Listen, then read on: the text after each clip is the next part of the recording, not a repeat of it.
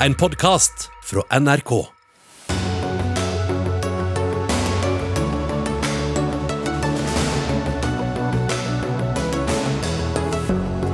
Miljøpartiet De Grønne vil hente 5000 afghanere til Norge. Like effektivt som å sette et lite plaster på en stor blødning, svarer Høyre. Det må ikke bli fritt frem å ha hjemmekontor når pandemien er over, advarer arbeidsgiverforeningen Spekter, og møter dem som helst vil være hjemme en dag i uken til debatt. Rikdom går i arv, og derfor bør den skattlegges mer, synes tankesmia Agenda. Det advarer Høyres Torbjørn Røe Isaksen mot på det sterkeste.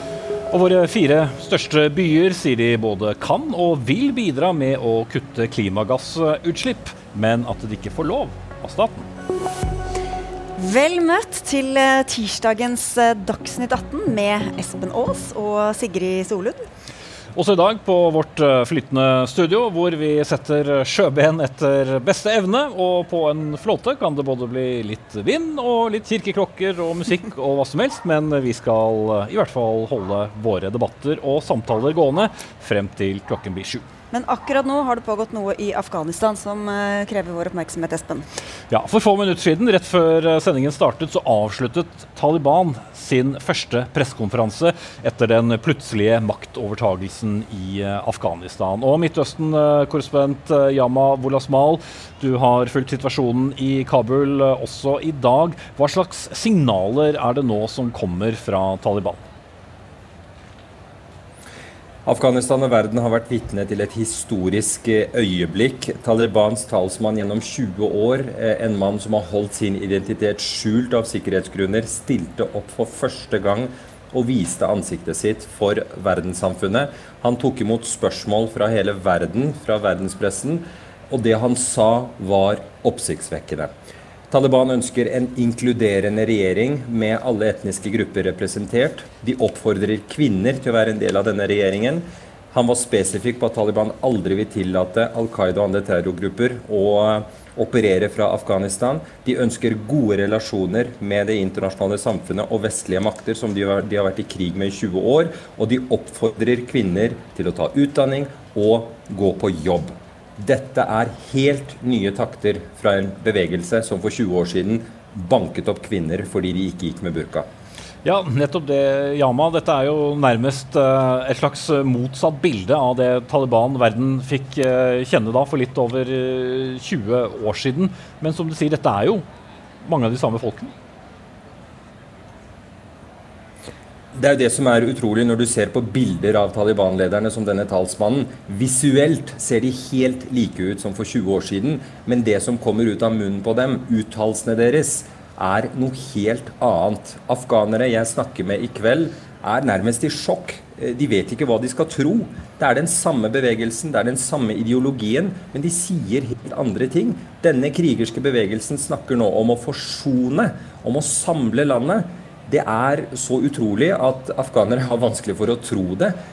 Og vi må bare ta tiden til hjelp og se om dette virkelig stemmer, eller om dette kun er taktikk fra Talibans side. Mm. Vi kommer tilbake til deg litt senere i sendingen, Jan Wolasmal, som følger situasjonen fra hovedstaden Kabul. Det er flere som har hatt pressekonferanse i ettermiddag. Nato kan komme til å angripe Afghanistan dersom alliansen igjen mener at landet blir et sted hvor terrorister får operere fritt. Det sa generalsekretær Jens Stoltenberg for noen timer siden. Imens tar flere norske partier til orde for at Norge skal ta imot en del av dem som vil ut av landet. Vi har jo sett en del av dem helt desperate til å komme seg ut. Sigrid Heiberg, du er utenrikspolitisk talsperson for Miljøpartiet De Grønne. Og dere har sagt at Norge må ta imot 5000 personer fra Afghanistan. Hvorfor det? Fordi at, altså, nå, nå, er det jo som vi hører, er en veldig kaotisk situasjon. Vi vet ikke hvordan dette vil utvikle seg de neste dagene. Men det helt vesentlige er at Norge sender et veldig tydelig signal at vi vil ta vår, vår, del av ansvaret. Det har ikke Norge gjort til nå. Altså, Norge har et helt spesielt ansvar her. Vi har vært med som krigførende part i 20 år. Og Norge har vært på toppen, europatoppen i å tvangsreturnere folk til Afghanistan. Og vi har jo nettopp sett de siste dagene. Afghanistan er ikke trygt, det har ikke vært trygt. Eh, og nå er folk i fare. Jeg har snakka med folk i Kabul i dag, og de er jo helt forvirra, som vi òg hører fra reportasjen her. Det er jo helt forvirra. Vi vet ikke hva som kommer til å skje, men det er en veldig stor grunn til å tro at særlig kvinner, de som har samarbeidet med Vesten, de som har stått opp for liberale verdier, er i en ekstrem fare nå framover. Og da må Norge være veldig tydelig på at vi vil støtte opp om FN, eh, Høykommissæren for flyktninger, og ta vår del av ansvaret. Canada har sagt at de vil ta 20 000, og det minste Norge eh, bør gjøre, er å nå øke til det FN har bedt oss om å gjøre i flere år, nemlig øke antallet kvoteflyktninger til 5000, og ta imot de som trenger beskyttelse nå. Men hvorfor skal man lande på et sånt tall når vi ikke har noen som helst anelse om hvordan utviklinga kommer til å gå der? Nei, jeg, jeg, tror heller ikke at det er nøyaktige tallet som, som er så viktig. Men når, det handler jo om å få på plass et internasjonalt system som fungerer. Og det må vi gjøre gjennom FN og samarbeid med de andre landene. Og FN har bedt oss om å ta 5000. Det har Erna Solberg til nå nekta å gjort. Nå må vi bruke denne anledningen. Det er nesten ingen asylsøkere som kommer til Norge. Vi har kapasitet til å ta imot langt flere enn 5000. Og hvis det trengs, så er Norge nødt til å stille opp med minst det. Mm. Mahmoud Farahman, stortingskandidat eh, for Høyre, tidligere tjenestegjort i, i Afghanistan eh, også. 5000 eh, afghanere til Norge, sier MDG. Dere i Høyre sier det er like effektivt som å sette et lite plaster på, på en stor blødning. Hva mener dere med det? Realiteten er at det vil være betydelig flere enn de 5000 som trenger hjelp. Skal vi ha en rettferdig og bærekraftig politikk over tid, så er den beste løsninga å gi hjelpen i nærområdene. Det gjelder nå å bygge opp den kapasiteten som trengs i nærområdene. Det jeg liker og blir glad for å høre MDGs representant si her, er at de vil bruke systemet og være, være, ha en bærekraftig politikk, slik FN legger til rette for. og Det finner vi best i nærområdene, som jeg har sagt flere ganger nå. Og så påpekes det eh, spres det litt tvil om myndighetenes arbeid. altså De som har fått avslag, har fått sine søknader behandlet.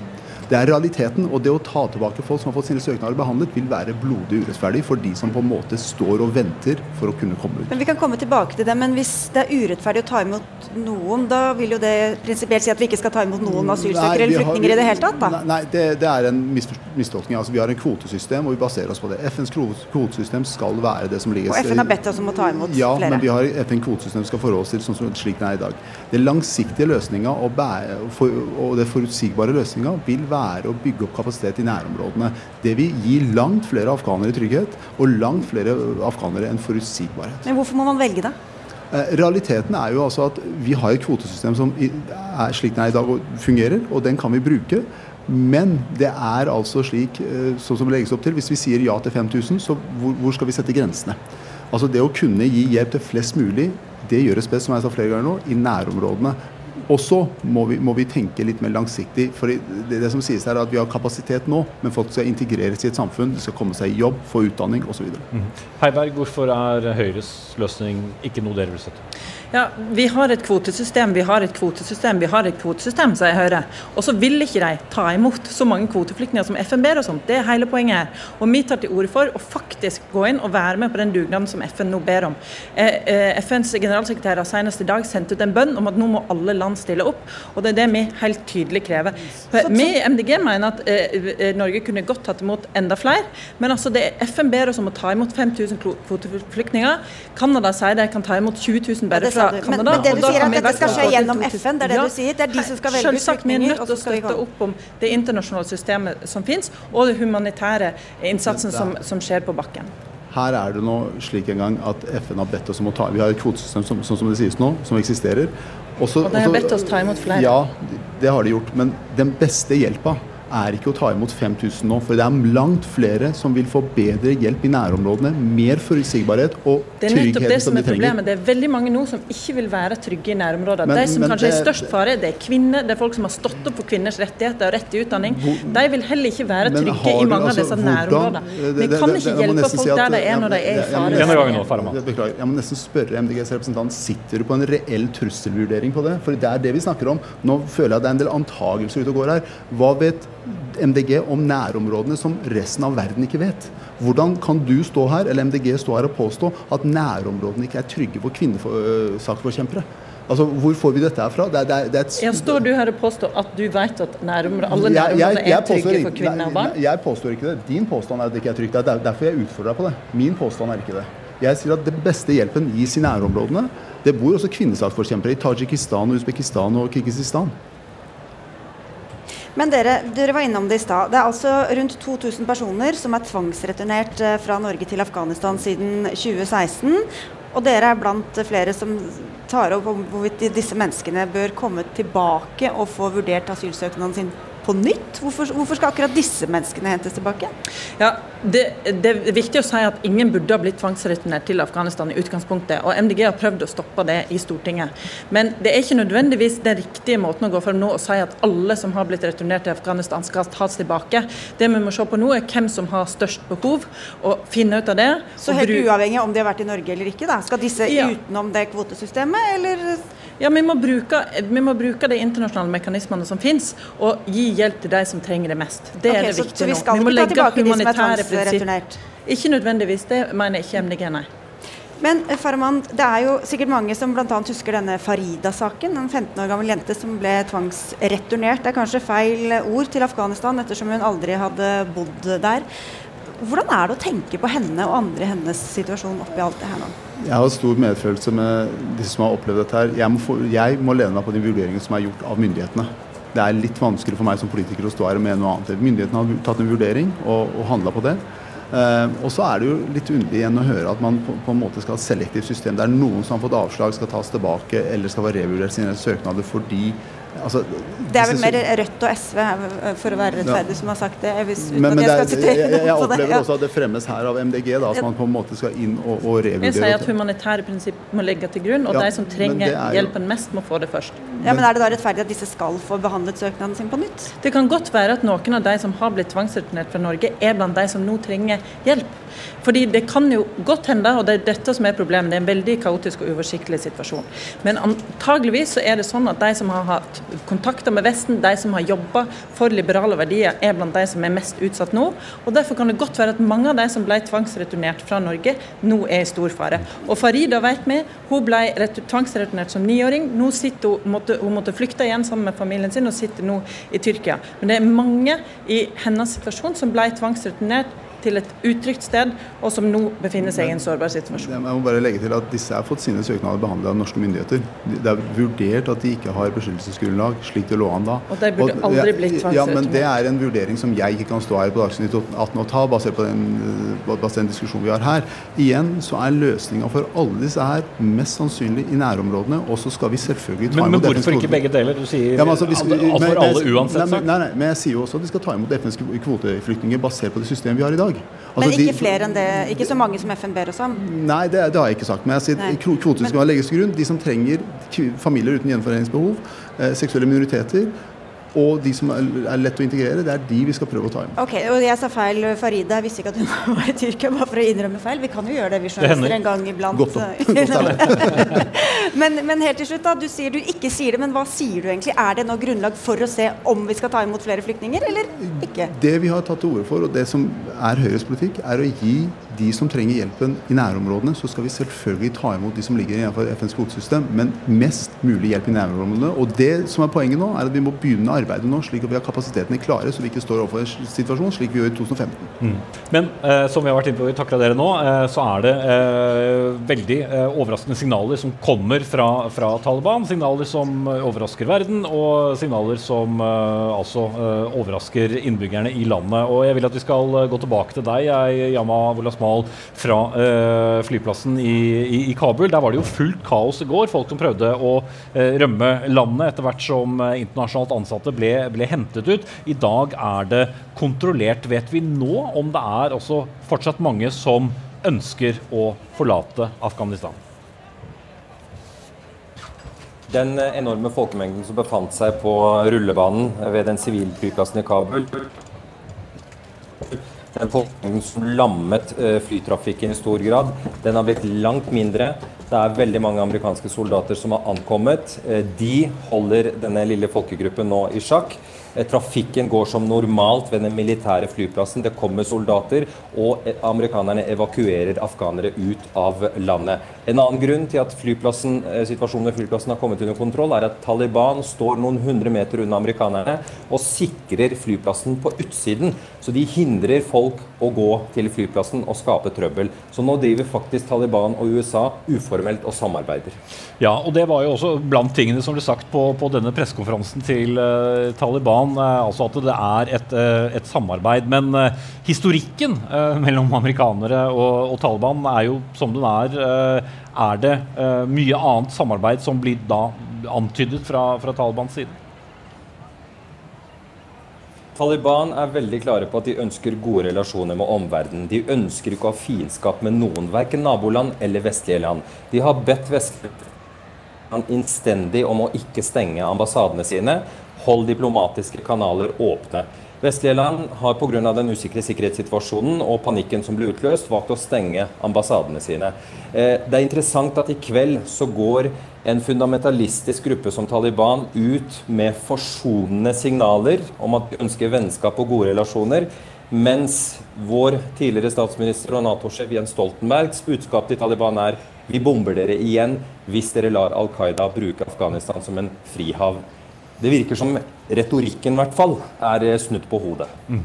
Eh, og så er det jo ofte slik at uh, når en utbrytergruppe uh, eller eh, former for geriljagrupper endrer eh, kurs, så er det jo et spørsmål om hele, som i dette tilfellet Taliban, er, er like samlet. Men her er det da i alle fall dagens lederskap som sender klare lovnader og, og, klare signaler om en helt ny vei. Og, og som du var inne på på starten av uh, sendingen, uh, Yama, også når det gjelder eh, kvinner og hva de skal gjøre og ikke gjøre.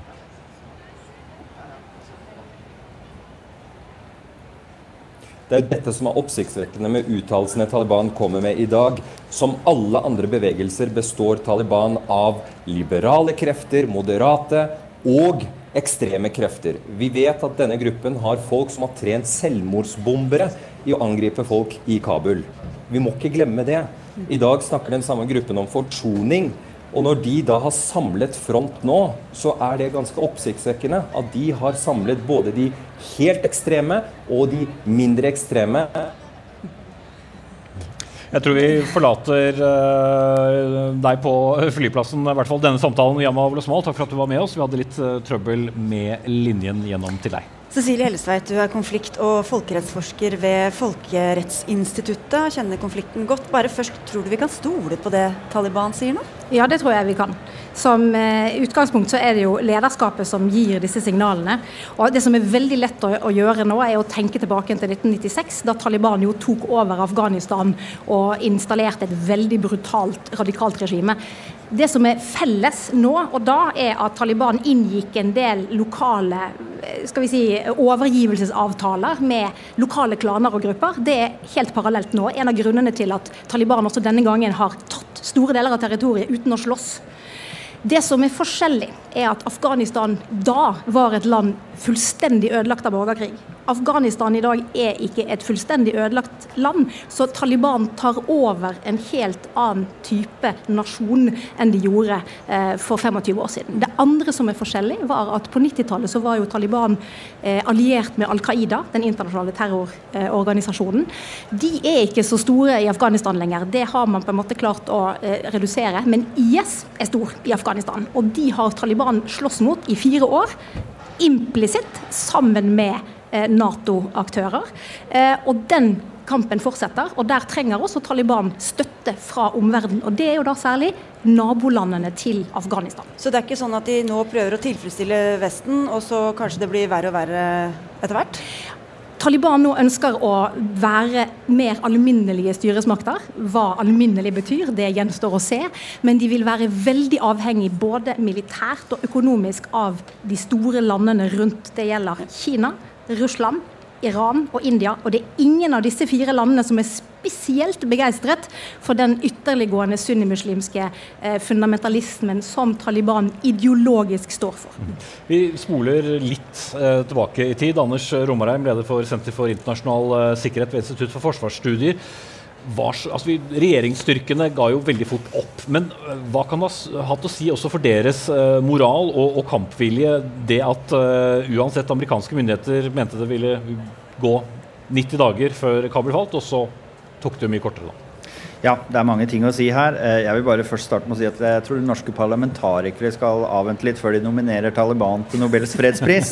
Men jeg vil ikke putte det beyond dem. Det at hele det afghanske sikkerhetsapparatet mm, simpelthen eh, detter sammen som et korthus, det er uhyre dramatisk å se på. Eh, I etterretningens verden så er man veldig ofte opptatt av å holde estimatene om særlig metodikken hemmelig.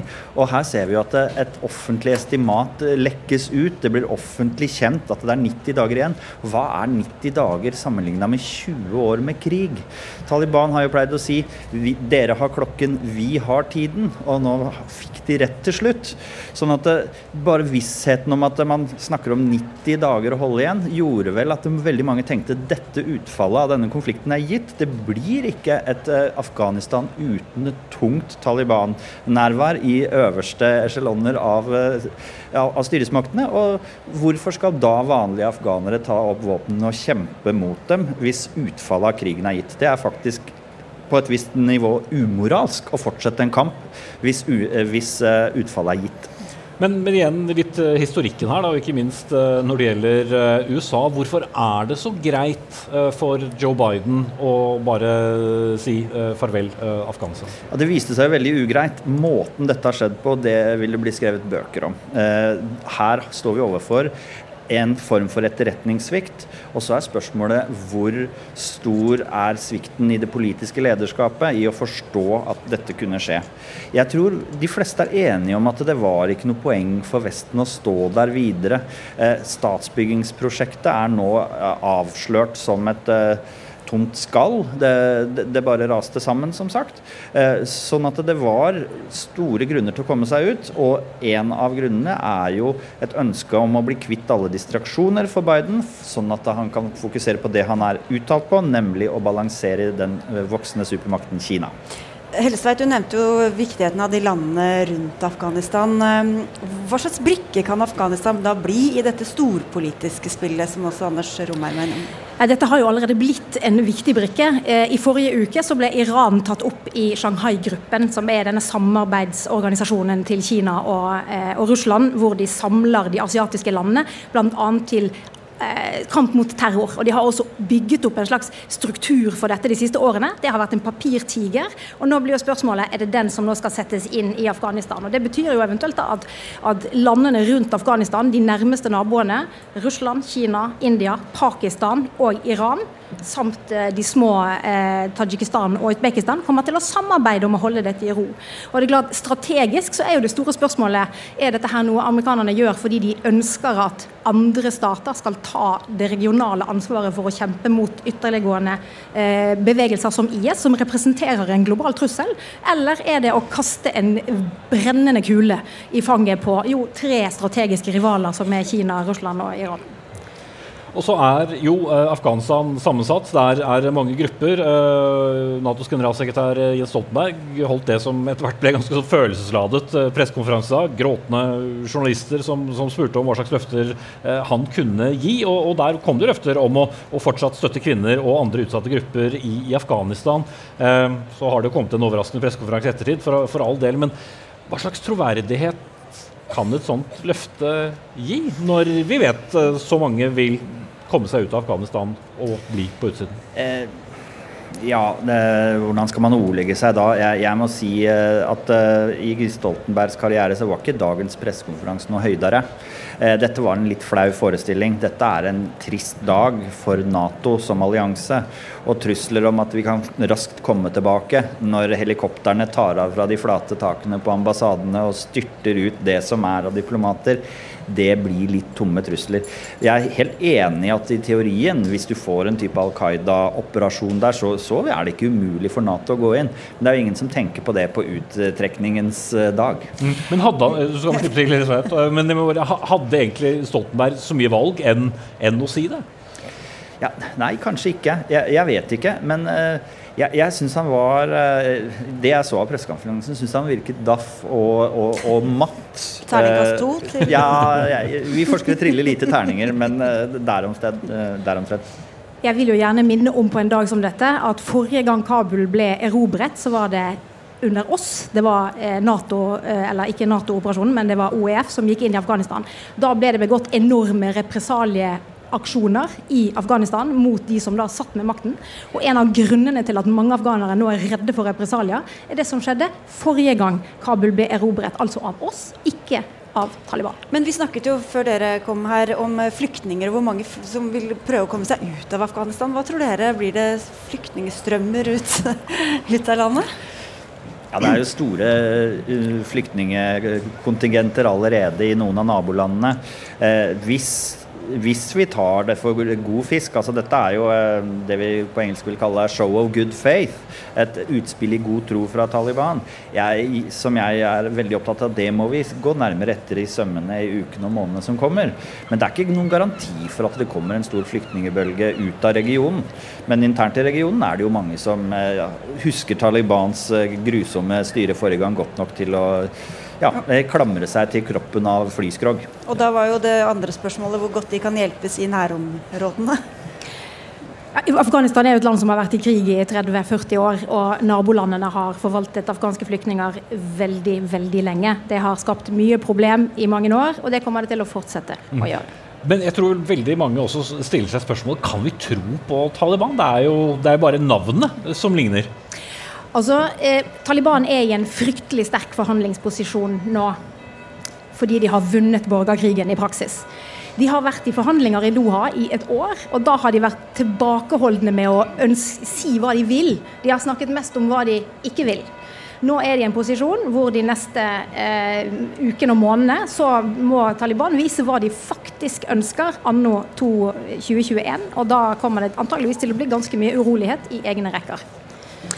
Takk skal dere ha. La, Anders her og Cecilie Hellestveit.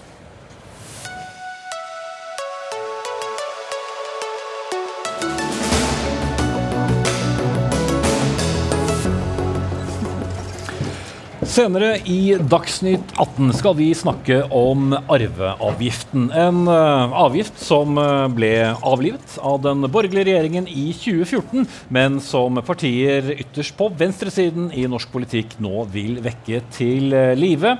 Det har iallfall vekket stort engasjement hos partiet Høyre, som vi skal se senere i sendingen. Men nå til noe annet som også angår veldig mange i hverdagen. For i disse dager så har mange kontoransatte reist tilbake på jobb eh, for første gang på veldig lang tid. Noen har ikke sett kollegaene sine fysisk på halvannet år.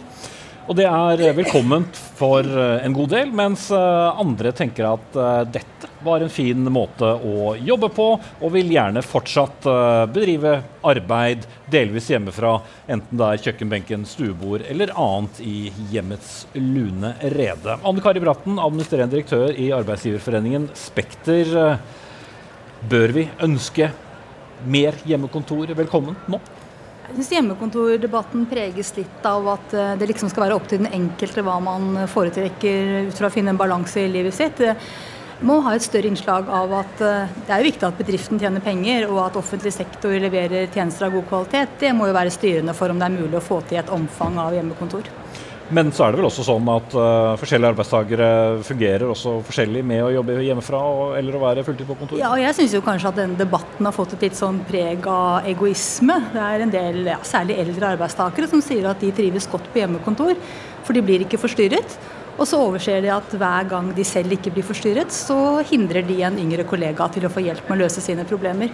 Mm. Og så husker jeg Du sa i et intervju i Dagens Næringsliv for omtrent et år siden at uh, det var en del som meldte inn at det var mange arbeidstakere som gjerne ville ha hjemmekontor på, på, mandag og fredag. Ja, vi ser jo det fra våre medlemsbedrifter i Spekter at det er interessante dager å ha hjemmekontor på. Uh, og så kan jo det hende at man kombinerer det med hytteturer og sånn. Uh, det som blir viktig, er at man finner en balanse på den enkelte arbeidsplass mellom være til stede på jobb og hjemmekontor. Og så er det viktig at det først og fremst er oppgaveløsningen. Det å jobbe sammen, det å ha et kameratskap, det å oppgave løse, løse, oppgaver sammen, som blir viktig for de beslutningene. Men det er vel ikke vanskeligere å løse en oppgave på en mandag eller en fredag eller på et hyttekontor jo, for den saks skyld? Nei da, for noen går det bra, men for veldig mange kreative prosesser f.eks., for, for virksomheter som står i store utfordringer, sånn, så er det viktig at folk er sammen og lærer av hverandre. Mm. Og særlig da mandag og fredag. Kari Solin, du er leder av Akademikerne. Dere har et overveldende flertall hos deres medlemmer som ønsker hjemmekontor. Egoisme, er du enig i det? Det kunne jo kalles egoisme hvis det var sånn at uh, vi ba om anarki, og at det skulle være opp til hver enkelt arbeidstaker å beslutte hvor mye hjemmekontor det skal være og når det skal være hjemmekontor. Men uh, det er jo ikke det vi uh, ber om i det hele tatt. Jeg tror at den erfaringen vi har gjort nå gjennom pandemien, er at det faktisk går an å ha den fleksibiliteten og jobbe fra mange andre plasser enn kontoret. Og det er jeg helt sikker på at vi vil se mer av i framtida. Og så må det være en dialog mellom arbeidstaker og arbeidsgiver om hvilken fasong det skal ha. Det kan jo ikke gå på bekostning av verken samarbeid eller opplæring eller kreative prosesser, som Anne Kari sier. Men skal det være tariffestet? Hvordan eh, skal man se for seg noe slikt eh, sett med arbeidsgivernes Nei, eh, øyne? Altså, hjemmekontorløsning egner seg ikke for noe rettighetssystem. Det man selvfølgelig må ha avtaler er om hvordan man skal ha vern og reguleringer rundt, sånn, rundt den type arbeid arbeidsplasser. Men hjemmekontor kan jo aldri bli en rettighet. Det må jo være verdiskapningshensyn og hvordan få bedriften til å tjene penger. Hvordan vi skal organisere arbeidet som, eh, for å få til det, som må bli styrende for om vi kan ha et innslag av hjemmekontoret i tiden framover. Solin? Ja, For det første så tenker jeg at det er ikke noen motsetning mellom å ha mer hjemmekontor og eh, tjene penger og satse på at bunnlinja skal være god. Tvert imot så tenker jeg at i en god del situasjoner så eh, vil du ha eh, et bedre resultat for virksomheten hvis du har arbeidstakere som trives på jobb. Og det er veldig mange, når vi spør våre medlemmer, så er det veldig mange som sier at eh, trivselen øker eh, ved hjemmekontor. og så tenker jeg at Teknisk sett så er det jo ingenting i veien for å avtale rammen rundt uh, hjemmekontor i en uh, tariffavtale, men det viktige er at det blir en dialog lokalt. En kollektiv dialog på arbeidsplasser lokalt mellom tillitsvalgte og arbeidsgiver, sånn at hver enkelt arbeidsplass bestemmer hva som er best for den enkelte arbeidsplassen. Men, men hva slags system skal noe sånt være? Det kan jo ikke være sånn i morgen tror jeg det blir hjemmekontor på meg. Takk for i dag. Nei, altså jeg tror ikke jeg skal ta på meg å svare på hva som er det riktige for hver enkelt arbeidsplass i, i landet. Der tror jeg faktisk at de som jobber der klarer sjøl. Men det kan f.eks. handle om tilsvarende diskusjoner som nå er på mange virksomheter om eh, fleksitid. Sånn, da er det en avtale om at det finnes en kjernetid. Sånn kan det kanskje være med hjemmekontor òg. At du har faste dager eller faste tider der alle må møte på kontoret for nettopp å ivareta eh, fellesskapet. Men, men Bratten, er du uenig i at eller, eller når, når arbeidstakerne ønsker da, hjemmekontor, de syns det, det gjør for får hverdagen til å gå opp lettere, slipper å bruke tid på å reise. Er det elementer som bør tas med i betraktning i det hele tatt? For, for det første så er jeg veldig enig med Kari Solin at dette er ting som ordner seg på norske arbeidsplasser hver dag, og det kommer det til å gjøre i fremtiden også. Så dette er eh, en ganske marginal problemstilling. Det som blir viktig, er å finne akkurat den kombinasjonen av den enkelte arbeidstakers behov for kanskje en dag imellom å være hjemme fordi det passer best med familielivet, og det at vi møtes i et fellesskap. En av de viktigste årsakene til at ni av ti trives på jobb i Norge, er jo fordi vi har dette kameratskapet, fellesskapet, løser oppgaver sammen, at det er små forskjeller mellom ledere og medarbeidere osv. Så, videre. så den kombinasjonen der man må finne Og så mener jeg at dette har et slags likestillingsperspektiv også, for vi så jo særlig under den første delen av pandemien at det var særlig kvinner på hjemmekontor som tar ansvar for, hjemme, for hjemmeskolen osv. Så, videre. så jeg syns ikke vi som arbeidsgivere har også et ansvar for å passe på at det er et tydelig skille mellom arbeidstid og fritid. Og det er ikke så lett å få til med veldig mange medarbeidere på hjemmekontor. Og da er det bedre at de er på på jobb enn å forsøke ut en løsning hvor du frykter for da det du kalte et A- og B-lag da vi snakket med deg tidligere? Altså, på mange arbeidsplasser blir det jo et A- og B-lag, for det er mange arbeidstakere som på ingen som helst måte kan være på hjemmekontor fordi jobben tilsier det. Eh, slik at dette må man finne ut av på den enkelte arbeidsplass, og så tror jeg at vi kan ikke finne de framtidige reguleringene på norsk arbeidsliv basert på en krise vi har hatt i 18 måneder. Det går ikke an. Men bare for å forstå helt hvor du står, du, mener det er løsbart? Ja, det er løsbart. Det har vært løsbart før. Det har vært store innslag i hjemmekontor på norske arbeidsplasser eh, lenge før pandemien kom. Men jeg mener at dette ikke egner seg for en tariffavtale, for jeg mener jo da at det er jo lederen som til syvende og sist i dialog med de ansatte må finne ut av om hjemmekontor løser seg for, eller passer for oppgaveløsningene og for arbeidsmiljø og fellesskap. Ikke inn i tariffavtalen, Solli. Hva sa du? Ikke inn i tariffavtalen. Nei, jeg tenker at Det viktigste er at eh, det blir gjort en, eh, en god vurdering lokalt og en eh, avtale der. Og Så vil det jo være opp til forhandlingspartene om det skal inn i en avtaleform eller ikke. Men hjemmekontor må være frivillig. Det er det grunnleggende og det aller viktigste. og Da er det frivillig både for arbeidsgiver og arbeidstaker. At det er en mulighet, men at det verken er en rettighet eller en plikt. Men det kan jo være mange har fått øynene opp for dette hjemmekontoret, og så er det andre som bare lengter tilbake til arbeidsplassen. Pål Molander, du er direktør ved Statens arbeidsmiljøinstitutt. Hva vil du si er den optimale dosen eh, hjemmekontor? Den er jo veldig forskjellig fra, fra arbeidsplass til arbeidsplass. men hvis vi har gjort en internasjonal kunnskapsoppsummering av den aller beste internasjonale litteraturen før pandemien. Den er jo mest relevant fordi den er tatt opp en normalsituasjon. Og da ser vi jo først og fremst at kunnskapsgrunnlaget er veldig veldig svakt. Men det er noen ting som skiller seg ut, og det er at det virker som at det er en vesentlig faktor at det er en frivillighet i dette her. Det innebærer jo også at du har en mulighet til å gå på jobb. Så, så, så, de som skal spare mange kvadratmeter kanskje ved å ha noen inne på tirsdag og noen andre på onsdag, og sånn, de kan fort kanskje overvurdere et positivt potensial her ved at, ved at eh, de som må ha behov for å gå på jobb hver dag og liker det, de må ha en mulighet til det. Det er den ene saken. Og den andre saken er at det er dosen. Hvis den blir for stor, at det er altoverveiende hjemme, og da, da, skal ikke jeg si at det er én dag eller to dager eller tre dager. Det er helt enig i, i disse to her, at, at det, det, må hver enkelt arbeidsplass finne ut av. Men hvis dosen blir for stor, så tror jeg regningen for nasjonen kan bli for stor. For vi har en velferdsstat som er helt avhengig av høy arbeidsdeltakelse, høy sysselsetting osv. Og, så og vi må legge til rette for et arbeidsliv hvor vi fortsatt har den fordelen der. Det er kjempeviktig framover. Men Hva er fordelene ved å være, jobbe hjemmefra, da, både for den enkelte og for arbeidsplassen? Nei, fordelen, Noen tror at, at, man er helt avhengig av, av, eh, at hjemmekontor er det samme som digitalisering. Men digitalisering kan du like gjerne ha på kontoret. Så det blir jo en sånn låsing ved å bare være hjemme. Det beste hadde vært å jobbe i en sånn setting hvor du kan både jobbe digitalt og ha fysisk samvær når det skjer. Og det skjer jo lettest på en arbeidsplass hvis du skal skifte gjennom dagen. Så, så enten eller blir veldig låst. Men fordelene er jo at, at enkelte ansatte kanskje opplever privatlivet sitt sånn at det går litt bedre opp. Og det er stor forståelse for i, i mange livsfaser. men vi tar jo veldig mange, mange snakker om hjemmekontor er positivt for miljø, det er positivt for samferdsel, det er positivt for distriktspolitikk. Noen ønsker å spare kvadratmeter. Og så tror jeg vi må vri den debatten nå når veldig mange skal ta viktige avgjørelser, at det må handle om arbeidet. Mm. Og summen av det arbeidet som vi gjør i Norge, det bidrar til sysselsetting, og det er helt viktig for vår velferdsutvikling framover. Så dette handler om mer enn vårt lille, smale perspektiv. Det handler egentlig om, om hvilken kurs vi skal ta videre. da. Mm. Hvordan kan vi måle produktiviteten da, eh, når man uh, sjonglerer klesvask, uh, kontorarbeid, barn som kommer hjem og er sultne osv.? Ja, nå, nå vet jo alle som, som jobber med dette dette og produktivitet er veldig vanskelig å måle selv i normaltid. Og Derfor så har man endt opp nå med mange undersøkelser under pandemien som ikke har nødvendigvis har så høy kvalitet, hvor man spør de enkelte ansatte om deres opplevde produktivitet. Og det gir nødvendigvis ikke de svarene vi er ute etter, så vi må nok ha hodet litt mer kaldt. Og så må vi være smarte nå framover, fordi vi er som sagt avhengig av et arbeidsliv med plass til flest mulig. Og Da må vi ikke bygge de tersklene for å komme inn i arbeidslivet f.eks. gjennom inkludering av mer sårbare grupper, som vi vil være helt avhengig av framover. hvis den blir for høy, så vil det bli vanskeligere å få til det som det er tverrpolitisk enighet om at vi trenger i Norge i årene framover for å opprettholde velferd. Jeg tror vi skal uh, takke dere av uh, her. Så, ja, så skal vi love at ikke vi har Dagsnytt 18 uh, fra din kjøkkenbenk eller fra min kjøkkenbenk. Kari Sollien fra Akademikerne. Jeg får lov det nå, Espen.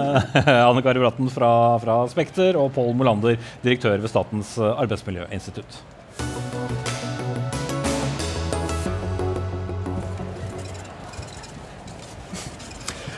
Arveavgiften har vært fraværende i sju år, men kanskje kan den komme tilbake. Før regjeringa Solberg fjernet avgiften i 2014, eh, så måtte man betale opptil 15 eh, i avgift eh, til staten. Og, og nå vil ja, deler Du verden, så synkroniserte vi uh, var nå. Nå vil i hvert fall deler av venstresiden ha avgiften tilbake i uh, forskjellige former. Og dette har uh, fått Høyre til å gå ut og advare flere steder, bl.a. i dagens VG, der er du arbeids- og sosialminister Torbjørn Røe Isaksen Ikke dårlig, grådig eller dumt, eh, men fint med, arbeid, med å ikke ha arveavgift. Hvor ville du med dette innlegget? Jeg vil egentlig påpeke to ting. Det ene er at um, veldig ofte så, er, så blir markedsøkonomien fra venstresida kritisert delvis med rette da, av og til for at den er kortsiktig, og det handler bare om kjøp og salg, og man ser på bedrifter og mennesker som, eh, som bare liksom økonomiske brikker i et spill. Mens veldig mange av de som bygger verdier og bedrifter og virksomheter gjennom generasjoner, de, jo, de representerer det helt motsatte. Det er ofte norsk, lokalt eierskap, familieeide virksomheter, røtter i et lokalmiljø. Så Det er den ene siden av det. Og det andre siden av det er at en arveavgift nesten uansett hvordan man vender på det, i hvert fall de forslagene som er på bordet fra Rødt eller SV eller ikke finstudert sosialdemokratiske tankesmien Agenda, men de rammer jo ikke bare de superrike, de rammer jo ofte folk flest. De rammer en gård som skal overlates neste generasjon, et hus eller en hytte. Og det er vel noe fint, er ikke det da? At man har noe å gi videre til neste generasjon. I hvert fall syns jeg det. At de privilegerte skal fortsette å være privilegerte? Men det er litt av det som er problemet her. For jeg skriver også i den kronikken at det er klart at hvis man, eh, hvis man innfører en eh, veldig høy arveavgift på det å gi noe videre til neste generasjon, så er det klart det er omfordelende. Mm. Og Så må man jo da forutsette selvfølgelig at eh, politikerne fra venstresida klarer å bruke de pengene krone for krone til de som trenger det mest. Der har jeg nok litt mer mine tvil, men på tross av det, da, så er det jo sånn da at det å overlate noe til neste generasjon, det er faktisk grunnleggende sett bra. Og mange av de som blir rammet av en ny høy arveavgift, det er nettopp den type eierskap og bedrifter og virksomheter som vi trenger i Norge. Du skal få noen motargumenter straks fra nettopp Tankesmien Agenda. men uh, i og med at både Arbeiderpartiet og Senterpartiet, som er de to største partiene på den uh, andre siden, sett med deres øyne, har sagt at de skal ikke ha tilbake noen arveavgift. Eh, hvorfor var det viktig å gå ut og advare? Ja, vi driver valgkamp på standpunkter. Så hva venstresida kommer fram til, det er jo helt i det blå. Eh, så er det helt riktig at Arbeiderpartiet sier at de ønsker ikke å gjeninnføre noe arveavgift. SV sier at det er de veldig opptatt av. Så får da politiske analytikere analysere hva de tror skjer i rød-grønne forhandlinger. Hvem nå enn som blir med, og hva skjer i et budsjett hvis Rødt er på vippen og alt mulig sånn. Vi driver jo valgkamp basert på hva Høyre mener. Eh, mot standpunkter som vi er uenig i, og vi mener at det er en dårlig idé å gjeninnføre arveavgift. Allerede nevnt, eh, opptil flere ganger. Trygve Svensson, du er leder for Tankesmien Agenda, som også er plassert i sentrum venstre, er det vel dere sier i norsk eh, politikk? Stemmer det. Hva er det som gjør at dere ønsker, om ikke den gamle arveavgiften, så i hvert fall en eller annen form for arveavgift? Du, jeg vil gi uh, Røe Isaksen først litt sånn honnør for en litt poetisk kronikk om verdien av å arve, av å etterlate seg noe godt. Jeg må, jeg må bare si når jeg kom hit og kunne se, og se bak oss. ikke sant? Jeg ser til og med statsråd Lemkull ligger bak oss. Det er også en arv. Det vil si noen har laget noe flott en gang i fortiden som vi har med oss nå. Og så tenker jeg jeg syns det er et veldig godt argument. Og det jeg tenker på da Hvilken arv er det vi som lever nå, skal gi videre til våre barn, til meg og Torbjørn sine barn som skal leve i dette samfunnet? Vet du hva jeg syns er den aller viktigste arven? Jeg syns vi skal gi dem et samfunn med små forskjeller, for det er det som er den aller aller høyeste kvaliteten med det norske samfunnet. Og Nå er det rett før vi må bedrive diktanalyse her. Skal vi prøve det, å komme tilbake til ja, politikken? Ja, og po politikken er jo selvfølgelig det at en skatt på arv er en av de aller, aller mest rettferdige, omfordelende måtene du kan beskatte på. Og nå skal jeg gi deg et, et fakta. Eh, for noen år siden så kunne vi lese Forbes sin liste. De har en liste over de rikeste i verden. De har også en liste over de ti rikeste under 30 år i verden. Og når jeg leste den listen, så fikk jeg litt hakeslepp. Vet du hvorfor? For det er tre av de ti rikeste i hele verden. De var norske. Gustav Witzøe, laksearvingen, og Fredriksen-søstrene. Det sier noe om hvilken enorm makt som samles i arv, og Torbjørn han er en kjempehyggelig politiker. Han er også en politiker som er støttet av Stein Erik Hagen, som er blitt berømt på ny denne sommeren fordi han snakker om hvor moderat han er, som bare har brukt sjøflyet sitt okay, syv ganger. Ja. Det, ja, men jeg sier, dette er ekte ting i verden. Det handler om enorm oppsamling av makt og rikdom, og arveskatt er en av måtene å gjøre noe med det på. Eh, hvis, hvis det var sånn at eh, de venstrepartiene som ønsker arveavgift, hadde foreslått det på sier, sånn bunnfradrag på 5 milliarder kroner, da. Eller 3 milliarder er kroner. det som Ja, ikke sant? Og det er det som er poenget. Så, det, så, så to ting her. For det første, så, nei, 5 millioner er et parti som ikke er her, så jeg skal Ja. ikke Men de- men nevne det. Men det er, det er et av de sosialistiske venstrepartiene, for å si det sånn sånn. agenda? Eh, Vi, har, vi sier at du må gå gjennom hele skattesystemet. Okay, Men har- ta, ja, ja, ja, men ta, ja, ta, eh, så 5 millioner er selvfølgelig masse penger. Men eh, det fins småbruk i Norge som er verdsatt til eh, mer enn det. Det fins i hvert fall boliger, og det fins noen også som har både har kjøpt dyre hytter, men også noen som har arvet hytter som har blitt dyre. Hvis du tar en bedrift for eksempel, og en virksomhet, si tippoldefaren din startet et bitte lite verft et eller annet sted på Vestlandet, nå overlater han det videre til neste generasjon. Og neste generasjon og neste generasjon igjen så mener jeg at det har en verdi. Det har noe å si at det verftet ikke blir eh, delt opp og solgt ut fordi det skal videre til neste generasjon, men at det kan bevares som en norskeid, familieeid bedrift. Og det, det får du ikke til, altså, eller i hvert fall innmari vanskelig med den type arveavgifter som, eh, som radikale venstresida nå sirkulerer. Og da, da, da er jeg altså villig til å si at ok, eh, det er ingen måte å ha denne arveavgiften på som ikke også vil ramme norskeide, familieeide bedrifter og folk flest. Da er det bedre at vi ikke har den. Men det er jo veldig, altså la meg si du arver en hytte, da. Tre søsken arver en hytte. Ingen av dem har råd til å kjøpe ut hverandre. Nei vel, så må man selge den. Ja, altså, men- sånn er jo livet. Ja, da, så, så, og det er ikke noe selvfølgelig, det er ikke noe menneskerett at en bedrift som tippoldefaren din startet, og som har røtter, har vært i den samme familien som bor i bygda eller bor i kommunen gjennom fire generasjoner, må være eid av samme, samme familie. Den kan selvfølgelig selges til utenlandske oppkjøpere, eller den kan. Ja, deles opp, kan, aksjene kan selges til forskjellige eiere. Men jeg tror at det er noe av det fine med den norske markedsøkonomien, er nettopp at vi har den type virksomheter. Og da kan vi ikke gjøre det så vanskelig som mulig å overlate verken av hus eller hytte, men heller ikke da bedrifter og virksomheter til neste generasjon. Det er jo veldig bra at folk bygger langsiktig, at de ikke selger ut bedriften i det øyeblikket det kommer et høyere bud, men tenker vi investerer for familien, vi bor i lokalsamfunnet, vi er norske eiere. Svensson, da, og bare understreke at vi inviterte også de som har eh, av partier som har eh, ønsket å innføre avgiften. De kunne ikke stille, men eh, du stiller. Veldig pussig det der at de ikke kunne Ja. stille. De kunne stille i morgen, så da Du måtte ha Da dem hit. syns dere skal ta en ny debatt om det i morgen. Det vi må bestemme oss for i Norge, er hva skal lønne seg mest? Skal det lønne seg mest å arbeide, eller skal det lønne seg mest å arve? Sånn som det er nå, så lønner det seg mer å arve. Og vi vet òg, det er masse forskning på det, at folk som arver, de er faktisk mindre produktive enn folk som ikke har arvet. Så det, det er liksom fagøkonomene, hvis du spør de hva som er en effektiv skatt det er ikke et utpreget problem med alle disse arvingene rundt omkring i landet som ikke gjør det.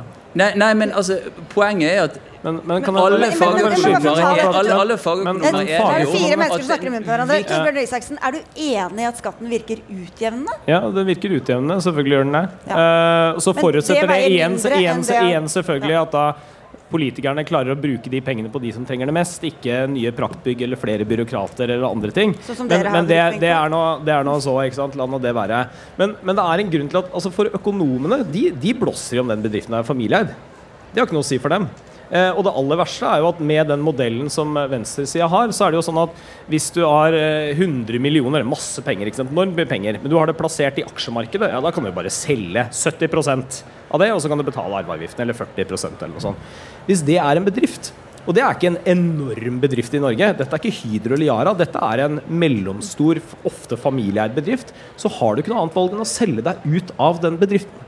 Og da ødelegger du også noe av den generasjonsskiftene. Det at du har norske lokale eiere, som jeg mener har en verdi. Selvfølgelig mener ikke økonomen at det har en verdi, for at det passer ikke inn i ligningene deres i det hele tatt. Det var utrolig skeptisk syn på økonomer, det må jeg bare få lov å si. masse fine Altså. Jo, men er du, er ikke, Hvorfor er ikke du bekymra for det her, da, Svensson? jo, jeg er selvfølgelig bekymret eh, for om vi skal ha et levende næringsliv i Norge. Men det, poenget er at når vi snakker om denne skatten som om det er noe som er stort sett det, det er et falskt bilde av hva dette egentlig dreier seg om. Det det dreier seg om, er å finne en skatt som gjør noe med den enorme akkumulasjonen av makt og rikdom som vi ser i Norge. Så da må det bare noen lide for det. Norge, Dere, kan ikke overta familiebedriften pga. det store bildet. Norge akkurat nå har altså, hold deg fast, samme formuesulikhet som Storbritannia, det dype klassesamfunnet med sine kostskoler og slott. Vi har flere dollarmilliardærer enn dollarens hjemland USA. Det er det som er realiteten med Forskjells-Norge som vi ser utvikle seg nå. Og det er derfor dette er så viktig. Det handler rett og slett om å snu en ulikhetskrise. Mm.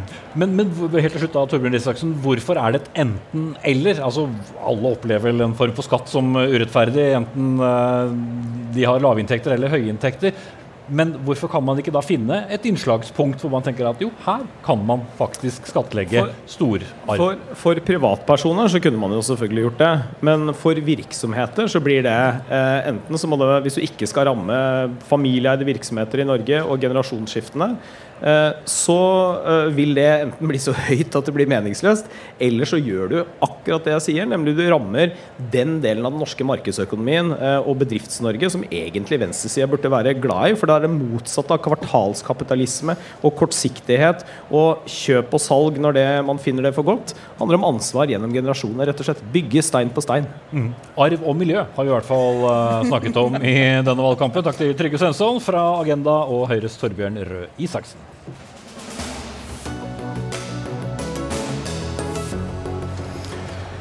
Storbyene sier de sliter med å kutte klimagassutslipp så mye som de kan, og sier at regjeringen er problemet. De som er ansatt for å gjennomføre klimatiltak i Oslo, Bergen, Trondheim og Stavanger, har derfor kommet med krav til regjeringa om å få et tydeligere handlingsrom. Og en av dem er her hos oss nå. Stina Elseth Osterland, klimadirektør i Bergen. Det betyr altså du er ansatt i kommunen og ikke er eh, politiker, bare for å understreke det. Men eh, du som da har eh, det operative ansvaret, som vi da sier, for å kutte ned klimagassutslippene. Hva er det regjeringen eller staten om du vil gjør så vanskelig for dere? Det handler jo om handlingsrommet vårt. Det handler om forutsigbarhet, det handler om langsiktighet.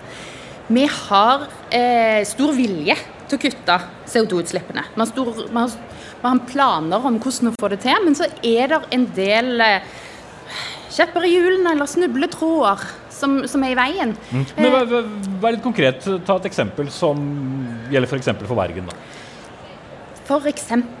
karbonfangst og -lagring på avfallsfor, av, avfallsforbrenningsanlegger. Eh, det står for ca. 10% av Bergens direkte utslipp. Eh, det betyr 80 000 tonn CO2 hvert år.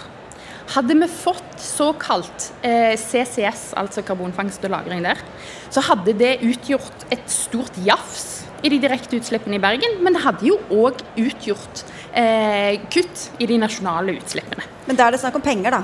Det er snakk om penger. Det er snakk om langsiktig forutsigbarhet. Altså for det, og det handler om forutsigbarhet både for kommunen, som skal legge til rette for å jobbe med dette. Og det handler om langsiktighet og forutsigbarhet for næringen som skal utvikle mm. den teknologien som skal til. Ja, Dere etterlyser eh, forutsigbarhet, tydelige rammer, eh, penger da også, og at lovverket er på plass og tillater kommunene og byene da, i å gjøre det de trenger. Vi vet jo at byene er veldig viktige når det skal kuttes, kuttes eh, Sveinung Rotevatn, klima- og miljøminister. Hvorfor ikke gi dem alle mulige virkemidler for å få det til? Vi har gitt en rekke virkemidler for å få det til. Og er det noe kommunene kan gjøre, så er det å bestemme mye over klimagassutslippene. Fordi kommunene har et vidt handlingsrom når det gjelder arealpolitikk, når det gjelder parkering, når det gjelder bompenger, eh, når det gjelder kollektivpriser. Og mange av kommunene og storbyene våre er jo flinke å bruke i hvert fall deler av det handlingsrommet. Selv om jeg syns en del av dem kunne vært litt flinkere, men det er ikke de ansatte sin feil, det er politikerne i de byene. Eh, så en har et stort handlingsrom. Og så skjønner jeg at både Bergen og veldig mange andre byer i Norge som har avfallsforbrenningsanlegg, ønsker penger til karbonfangst og -lagring. Det håper jeg at vi kan få til på så mange anlegg som mulig. Men den beste måten å få til det på, er ikke at staten skal gå inn og bruke skattebetalerne penger til å ta hele regninga overalt. Det kommer ikke vi til å ha råd til. Måten de gjør det på, er at det må koste penger å slippe ut CO2 fra de anleggene. Det har regjeringa prøvd å få til. Men det ble vi stoppa i Stortinget av Arbeiderpartiet, Senterpartiet, Frp og SV. Ok, men for, hvis, du forholder deg til, hvis du kan komme med et par til eksempler som ikke bare handler om penger, men hvor lovverket stanser dere? Ja, vi kan jo gå tilbake til plan- og bygningsloven, da. Som er sannsynligvis, eller jeg vil si det er det viktigste klimaverktøyet for eh, kommuner. Som handler om den langsiktige arealplanlegging, om reguleringsplaner. Det er en del usikkerhet knytta til hvor langt hjemlene strekker seg. Så når Oslo til slutt, etter litt prøving og feiling og juridiske vurderinger, tør å satse på å legge inn krav om fossilfrie anleggsplasser, altså at du ikke eh, bygger opp nye bygg eller eh, arbeidsplasser uten at det er fossilfri eh, virksomhet. Så blir det så tvil om det fra Kommunaldepartementet, bl.a. En tester hjemlene. Eh, Oslo tester tilbake. De satser på å innføre det likevel. De går for den løsningen. Da sier det seg selv at andre norske kommuner ikke helt tør. Vi, andre norske kommuner har ikke det apparatet. Altså, kommunene har et vidt handlingsrom etter plan- og bygningsloven når det gjelder å stille krav til klimakutt og grønne løsninger i det de selv driver med. Det som eh, jeg skal gi deg rett i, og som har vært litt krevende, det er hvor langt juridisk har en kommune mulighet til å gå for å pålegge f.eks. deg, om du bygger et hus, å bruke en viss form for eh, maskineri når det gjelder eh, fossil eller biodrivstoff f.eks., når du bygger det huset ditt. Og Det er jeg enig i at plan- og bygningsloven ikke er helt tydelig på. Eh, og Det er en litt krevende politisk diskusjon også om en skal kunne gå inn og pålegge en privatperson en rekke veldig fordyrende eh, tiltak når de selv skal bygge et hus, eksempelvis. Jeg må innrømme at jeg er litt i tvil. altså Jeg syns at en skal kunne gå et stykke lenger enn i dag. Um, I alle fall på en store byutviklingsprosjekt, så tenker jeg på det. Uh, men uh, en plass burde nok en grense der. Det viktigste vi gjør for å få ned utslippene fra bygg og anlegg, er for så vidt ikke det, men det at vi tar i bruk nytt maskineri, at vi stiller krav til avansert biodrivstoff, som regjeringen har sagt vi skal gjøre i klimaplanen vår framover nå. Og der kommer utslippene til å gå ned raskt framover. Men hvis vi går til det overordnede igjen, da. Altså, uh, de som har ansvaret for å jobbe for å få ned klimagass klimagassutslipp i Norges fire største byer. De går sammen og sender da krav til regjeringen. På et eller annet nivå så har dere jo felles ønske. Utslippene skal ned. Men det er jo da en historie om at de er utålmodige, og at dere er proppen. Jeg er ikke enig at vi er proppen, men jeg er for at kommunene skal få flere virkemidler. Så Derfor i klimaplanen vår så har vi nå gitt kommunene muligheten til å opprette nullutslippssone eh, for eh, biltrafikk. Det ble jo debattert masse i NRK-debatten i går kveld f.eks. Da ser vi jo at det er en betydelig politisk motstand mot det for f.eks. Senterpartiet, men vi har sagt at dette er vi for. Det vil kommunene få mulighet til nå. Det er bra. Samtidig så er det nok et visst handlingsrom igjen i kommunene for ting de kan gjøre som er staten ikke er proppen. Eksempelvis kan jo byrådet i Oslo la være å sette opp kollektivprisene, de kan heller sette dem ned. Ja, eh, ja, få inn deg også tilbake Osland. Oslo. jo, eh, jo, det er et visst handlingsrom. Eh, og jeg hører at du sier at eh, det er ganske stort. Men tingen er at disse seks kravene de kommer fra et langsiktig samarbeid vi har eh, i de norske storbyene. Vi møtes jevnlig, vi diskuterer eh, vanskelige problemstillinger, vi diskuterer hvordan vi skal komme videre. Vi har litt intern konkurranse, naturlig nok. Eh, vi vil alle være først om å være grønnest. Eh, men hovedtanken her er at har, det har en tendens til å være en del av de samme problemene vi stanger hodet inn i. Og det bunner da ut i disse seks kravene. Og så har du helt rett i at det, det skjer masse i norske kommuner. F.eks. Klimasatsordningen eh, viser det.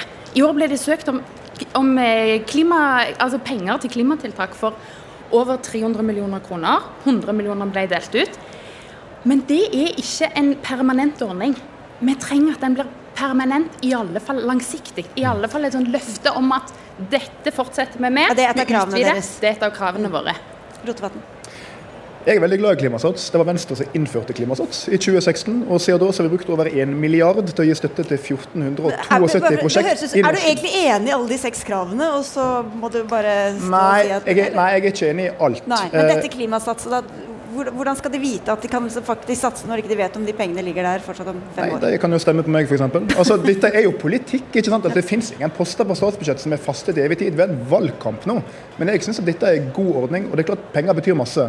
Og jeg tror f.eks. at Bergen kommune er glad for at vi nå i Nasjonal transportplan har lagt inn milliarder til bybygg, utbygging av Bybanen til Åsane. Kjempeviktig for å få ned trafikken inn til Bergen. Koster masse penger, men det er en viktig satsing.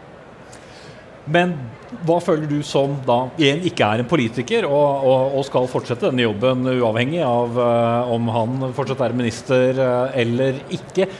Hva, hva, hva er marsjordren man får fra sentrale myndigheter? Kan jeg si hva marsjordre jeg ønsker meg? Ja.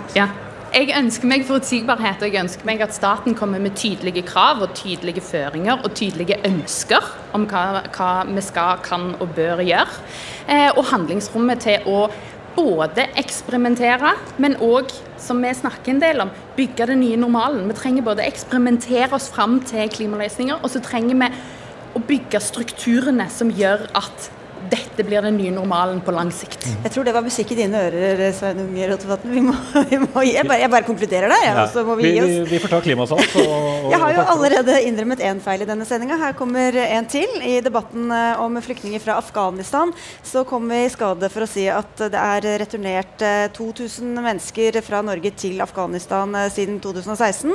Det riktige tallet er 800. Det er 2000 er tallet på afghanere som er tvangsreturnert, men de kan være sendt til forskjellige destinasjoner. Så har vi rettet opp i det òg. Da er det gjort. Og da, Sigrid, skal vi takke for oss. Dag Dørum var ansvarlig for eh, innholdet i sendingen. Frode Thorshaug tok seg av det tekniske. Espen Aas og Sigrid Solund takker for seg og ønsker på gjensyn i morgen.